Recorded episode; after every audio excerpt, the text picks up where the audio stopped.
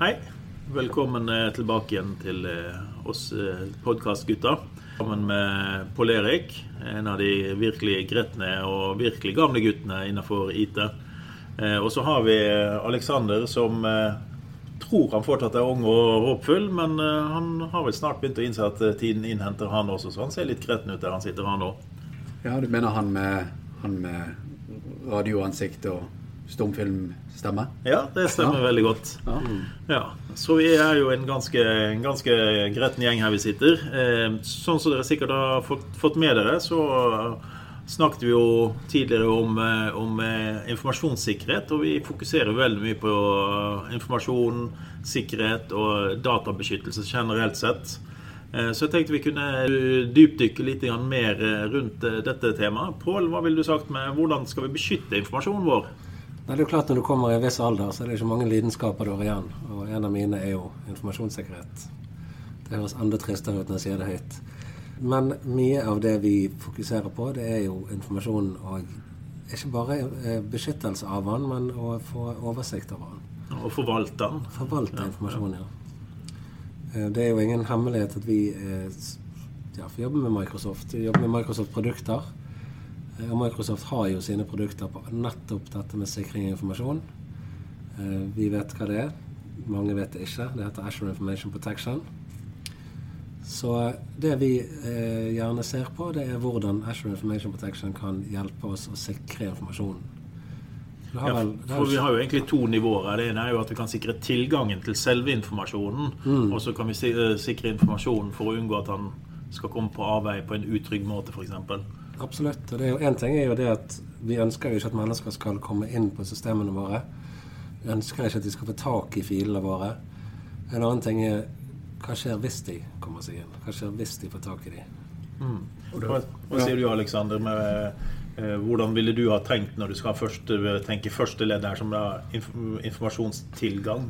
Altså, Veldig mange uh, har gjerne hørt den trauste analogien med at før så gikk vi fra parameterbeskyttelse. Alt lå bak brannmurer på innelåst datarom. Men man må egentlig tenke på det at mennesker som ikke skal ha tilgang til dataene, trolig har tilgang til dataene. Du kan til og med ha funnet på å ansette denne personen. Så mange av, mange av bedriftene har i dag ansatte som enten kompromitterer bevisst, eller at de ikke kjenner til måter å forvalte informasjon sikkert på. Så den viktigste tingen er jo selvfølgelig brukeropplæring. Uansett hvilket verktøy du har, uansett hvordan du forvalter data, så snakker vi brukeropplæring. Men utover dette så er det å sørge for at sørge for at brukeridentiteten er beskyttet. Mm. Brukermotivasjon bør vi også kanskje tenke på, sånn at de er motivert til å ta i bruk de mekanismene vi har lært dem opp til. Mm. Sånn at de ikke bare tror at det er nok irriterende ting, sånn at informasjonen ikke går på avveie. Der er jo det en av eh, verdens beste hackere som har sagt én ting, at det er veldig fristende å si at det beste sikkerhetstiltaket er å lære opp brukerne dine. Og det er jeg helt enig i, det er du helt enig i, det er du helt enig i. Men uansett hvor godt du lærer opp brukerne dine, så vil mest sannsynlig en av de gjøre en feil en eller annen dag. Og da er du avhengig av en, eh, en eller annen funksjonalitet som kan fange opp disse uhellene. Mm. Og da har vi jo eh, flere muligheter, er ikke vi det, Olav? Ja, altså vi, vi, snakket jo litt om det med, med, med, med tilgangen til informasjon. Mm. Eh, og hvis vi tenker på det vi snakket om eh, forleden podkast, eh, når vi snakket om eh, istedenfor å knekke koden, så knekket vi fingre. Sant? Altså Vi tok en tur til kiropraktoren. Sist jeg var til var kiropraktoren, så knakk han meg så hardt i ryggen at jeg innrømte de fleste tingene jeg har gjort i hele mitt liv. Så, så vi vet at den metoden kan være ganske skummel. Ja.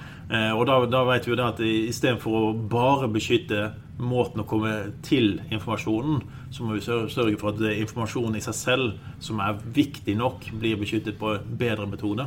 Mm. Finnes det noen gode måter å gjøre det på?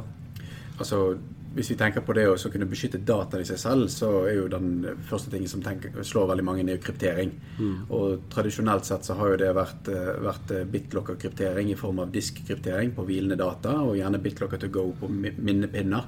Men i dag så ser man jo det at man lager gjerne data på e-post, man lager det på mobiltelefoner. Og de har gjerne ikke den kontroll for kryptering av hvor dataene ligger lagret. Så det å lagre selve informasjonen i seg selv med kryptering er en veldig god angrepsmåte. Ja, for intransit-krypteringsmetodene vi har, de hjelper jo bare når han er i luften. De hjelper ikke når han har fått eh, havnet på en ny lagringssted. Så, så, da er plutselig dataen ubeskyttet hvis du har lagret den på en, en FTP-server, på en eh, minnepenne, på en floppy. Mm. Ja, og... Hvordan er det med, med, det uttrykket 'shadow IT' som vi snakker om? Har det forandret eh, måten vi må jobbe med data på? Ja, altså Det hjelper jo veldig lite om du har eh, den eh, villeste brannmuren og det sikreste nettverket når brukeren har kopiert eh, hele fellesområdet til OneDrive. Og syns det er veldig praktisk å lese bedriftsdokumenter på sin private Samsung-padde som heller ikke er kryptert, og som tilfeldigvis guttungen på ti sitter og spiller på samtidig og mm. sier ja til alle skumle, tvilsomme spørsmål som kommer, kommer inn på den enheten. Mm. Og, og, du nevnte dette med å sikre ting mens det var i transit. Eh, vi har vært veldig opptatt av å beskytte dokumenter som vi har kontroll på, på ting som vi kan stole på. Men vi, stoler, men vi har aldri tenkt på der dataene ender opp. Og der har du en perfekt analogi i din forrige podkast, og det er jo dette Vox-stempelet. Du har sikkert informasjonen din i det du legger det opp i konvolutten, og du har forseglet det, og du stoler på at Posten frambringer dette med, med validitet. Men når informasjonen først er kommet fram, så kan jo informasjonen være så det er kompromittert som du bare kunne tro. Ja, og hvis, hvis vi ser litt på den moderne varianten av eh, Vox-stemplene mine, eh, så er det jo hvordan eh, vi nå tenker det at eh, vi har, eh, vi har Intune f.eks. med device management. Så vi tenker at eh, jeg kan kryptere og ta vare på PC-en din, Pål Erik. Og jeg kan sørge for at hvis du lagrer data fra, fra firmaet Alexander på din Android-telefon, Eh, så skal det være beskyttet. Men samtidig så må vi tenke på at eh, når vi utvider eh, beskyttelsen til devices, altså enheter, så må vi faktisk stole på alle de variantene av OS-er vi sender det ut til. Så selv om vi vet at vi bør kunne stole på Apple-enheter og Android-enheter og Windows-enheter, så kan det være vanskelig å si at vi stoler på alle implementeringer av enheter, f.eks. Huawei, som har vært litt i vinden nå, at vi skal stole på eh, Huawei sin implementering av Android og sikkerhetsmekanismer. Så, så, derfor kan det i veldig eh, tilfeller hvor vi har veldig behov for sikkerhet, så bør vi kanskje gå helt ned på informasjonen i seg selv. Sant, Bård? Mm, absolutt. Og der eh, er det jo én ting Nå har vi sikret eh, med Intune, vi har sikret med device management her. Men når informasjonen sikres og krypteres, så forhindrer vi, for å ta liksom flåsete eksempel, at det brevet du har sikret med bokstempelet ditt, blir liggende åpent på bordet et eller annet sted. Um, fordi det, det, beskyttes at rest. Det beskyttes når det er fremme, når det ligger et sted.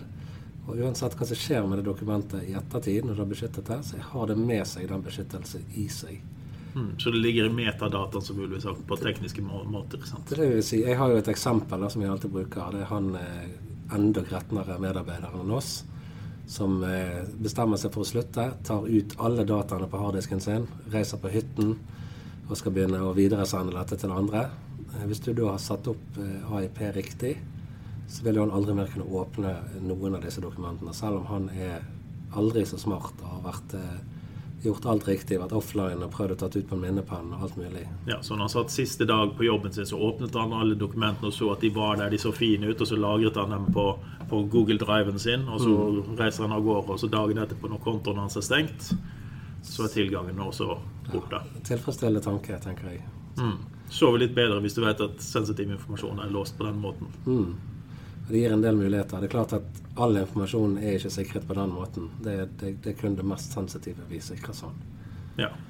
ja. Vi, må, vi, må, finne ut uh, hva vi sikrer, uh, og vi kanskje skulle tatt en podkast litt seinere med det. Og hvordan vi kan sette i gang tankegangene for å få dette opp og gå. Mm. Sånn, men det er veldig viktig å lage en god struktur, en god gjennomtenkt uh, måte å gjøre dette på.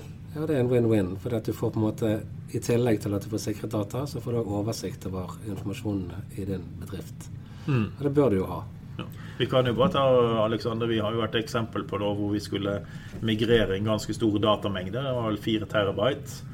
Og hvor mye av det forsvant når vi bare ble kvitt det gamle som egentlig ikke burde ha vært med i det hele tatt. Ja, det er jo to ting her. Den ene er jo det at veldig mange tror det at dette er en sånn ting som kommer i vinden, og at eh, alle snakker om skyteknologi, alle snakker om sikring, og at dette er noe helt nytt. Men dette er jo en ting du burde ha kontroll på i 1998. Ja. Men eh, nå kommer funksjonaliteten der, og GDPR kommer med trusler med bøter. Men det andre er helt riktig. Vi skulle migrere et fellesområde på 4,5 terabyte. Og vi kalkulerte ut at eh, den elektriske kostnaden med å ha det snørrende og spennende var det tilsvarende av en halv elektrisk bil i året. Og før vi hadde begynt å migrere, så hadde vi slettet fire av disse 4,5 terabytene. For det var utdatert, gamle og rett og slett vannkjemte data som ingen ville, ville ha. Man må rett og slett begynne med litt hygienetiltak på informasjonen sin. Både for å bli kvitt det man ikke burde hatt liggende her i det hele tatt, men også for å begynne å strukturere hva vi bør beskytte. Absolutt. Og GDPR har fått et dårlig rykte. Mange, mange har blitt stresset av det. Men det har hatt en god funksjon òg. Folk har blitt mer opptatt av hva de har liggende. Hvilke data har du liggende. Og har du persondata liggende nå, så bør du på en måte ha kontroll på det. Og Da er det faktisk lettere å få kontrollen hvis man migrerer det til eh, skytjenester, som gjør at man kan få oversikt istedenfor å måtte begynne å ta inventory på eh, lokaldata. Ja, absolutt. Og til og med der du ikke nødvendigvis ønsker å sikre selve informasjonen, noe man etter denne podkasten selvfølgelig innser at man skal gjøre, så finnes det jo produkter som gjør at du kan sikre datalagre. Eh, Du har jo sett veldig mye på dette med Cloud Up Security, Olav. Og Da kan vi også lage regelsett som gjør at hvis noe er blitt klassifisert til at dette her er internt, men vi har ikke valgt å, å eh, kryptere det, men da kan faktisk Cloud App Security fange opp den meldingen som blir prøvd og sendt ut, og si at ok, noen prøver å sende ut intern informasjon. Da hiver vi på en IP-kryptering og beskyttelse. Sånn at hvis den blir sendt ut til noen som har tilgang på det pga. at de tilhører interne ressurser, så får de plutselig tilgang. Men hvis noen utenfor, utenfor bedriften prøver å åpne det, så vil ikke de få klare å få tilgang. Så automatisering er, er en ting som kan beskytte dataene uten at du aktivt må forholde deg til det, da. Ja, altså det er jo alle prosjektene jeg er i, det går gjennom en sånn eh, identitetskrise der du, de ser på hvilke lisenser skal jeg velge. Skal jeg gå for den litt billigere E3-lisensen, som gir nesten all funksjonaliteten i AIP manuelt? Eller skal jeg koste på meg en E5-lisens og så få hjelp av eh, Microsoft til å sikre data? Eh, Da får du på en måte en, en mulighet til at han uten at du gjør noe sjøl, går gjennom informasjonen, eh, trigges på diverse uttrykk og ord eller informasjonstyper, GDPR-data, fødselsnummer og andre ting, og gjør en sikring for deg. Og så er det jo ganske to kule måter med automatisering. For det ene er jo at han automatisk blir stemplet som du vil ha han, men det andre er jo at han popper opp og sier at dette bør bli merket som, og ikke at han automatisk gjør det, men du blir anbefalt tingene. Ja, du blir obs på altså, Det er mange ting som, som eh, kan skje galt i løpet av en arbeidsdag. Eh, Veldig mange har gjort den tabben at de sitter og skriver en mail, og så skriver de noe veldig sensitivt. Og så begynner de å skrive inn på adressen, og så popper det opp et eller annet fra autocomplete, og så blir det sendt til feil person. Eh, hvis den informasjonen er sikret riktig med AIP, så vil jo den personen aldri kunne lese den. Så sånne ting du, du kan beskyttes fra litt av de feilene du kan gjøre i en hektisk hverdag. Vi har jo et eksempel på det helt nylig, der en fagforening sendte ut en uh, hyggelig sommerhilsen til alle sine medlemmer, der uh, mottakere sto i klartekst. Men uh, istedenfor å kunne trekke den e-postrettigheten tilbake igjen, så måtte man be om en eh, e-postutveksling om å kalle den tilbake igjen, sånn at man fikk akkurat den samme mottakerlisten en gang til. Ja, og med motsatt effekt, for da ble plutselig folk eh, nysgjerrig. Ja, man vil jo selvfølgelig se på det man ikke skulle se på. Så, så AIP gir den redningen der man liksom har den risikoen. Ja, det, det, det, er vel ikke brukt det som en sånn eh, ekstra Så det er en ekstra sikkerhet. Men det, det gir jo selvfølgelig ikke 100% trygghet. Men det gir Hvis du har muligheten til å sette opp AIP i dag, du har en eh, E3-lisens, så, så forstår jeg ikke hva du venter på. Da er det egentlig bare å sette i gang. Ja, for Kanskje det største problemet med, med, med en eh, E3-lisens eh, vil jo være det at du eh, lar brukeren selv avgjøre hvilken eh, klassifisering han skal bruke. Mm, da må du gå inn og så må du trykke på knappen i hermetegn. Du får gjerne en sånn ekstra informasjonsbar i Office-applikasjonene der du kan sette intern, eller du kan sette sikkerhet ut ifra hvilke konfigurasjoner administrator har gjort. Og da er det viktig å ikke ha for mange valg. Ja, gjør det enkelt. Veldig, veldig enkelt. Og forståelig ut av valgene. Hvis ikke vil jo bare brukeren finne ut hva er min favorittklassifisering. Nei, jeg syns alt skal være Cosmic Top Secret. Ja, ja absolutt. Ja. Du, du må ikke, det må være enkelt, det må være intuitivt. Og du får òg muligheten til å legge inn en sånn informasjonstekst. Hvis du legger musepekeren over, så står det f.eks. denne teksten, nei, denne knappen vil sikre informasjonen slik at ingen utenfor vår organisasjon kan lese den, eller noe lignende. Ja, men da er det også, hvis, hvis, noen glemmer å beskytte det, så er det ubeskyttet. Og der kommer ja. automatiseringen som en fordel, at han popper opp enten med en advarsel og sier 'dette bør du beskytte', eller at han sier at dette, eller han vil automatisk beskytte det for deg. Mm. Ja. Jeg har et siste spørsmål som ser ut til å gå igjen. og det er Dersom en bruker krypterer informasjonen og deretter slutter, hvis organisasjonen fremdeles skal ha tilgang til disse dokumentene som denne nå eh, eks-medarbeideren eh, opprettet, finnes det noen måter å få tilgang til disse dokumentene igjen? Ja, da må man enten i forkant ha opprettet, eller så må man i etterkant opprettet noe som heter superbruker.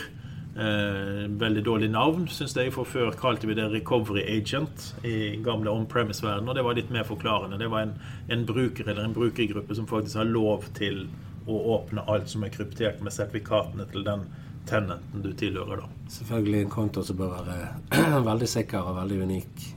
Mm. Eh, mange velger jo å ha den aktiv kun når du skal gjenopprette data.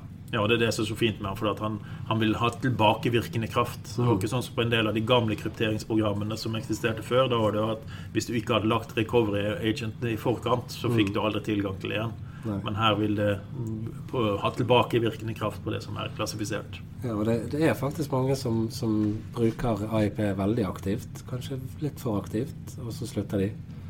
Og så ligger det litt krypterte data på PC-en og litt her og litt der. Og så har du den muligheten til iallfall eh, reklassifisere eller gjenopprette, eller hva du ønsker å kalle det. Ja. Så ja, det lar seg løse. Ja, og et siste spørsmål til deg, Pål, som av og til kommer opp. Hva med dette med Adobe PDF-filer? Kan man beskytte det med AIP? Det kan man. Og eh, Adobe jobber tett sammen med Microsoft for å få dette til å bli mest mulig sømløst. Skal vel også sies at vi snakker om PDF-filer, og Adobe er den som jobber med teknologiene, men det vil virke på andre PDF-lesere også. Riktig. Ja. Eh, Adobe er den som har tettest samarbeid med Microsoft angående dette. Mm. Men som Olav sier, det Fox sitt PDF-reader og alt dette fungerer fint med klassifiserte PDF-filer.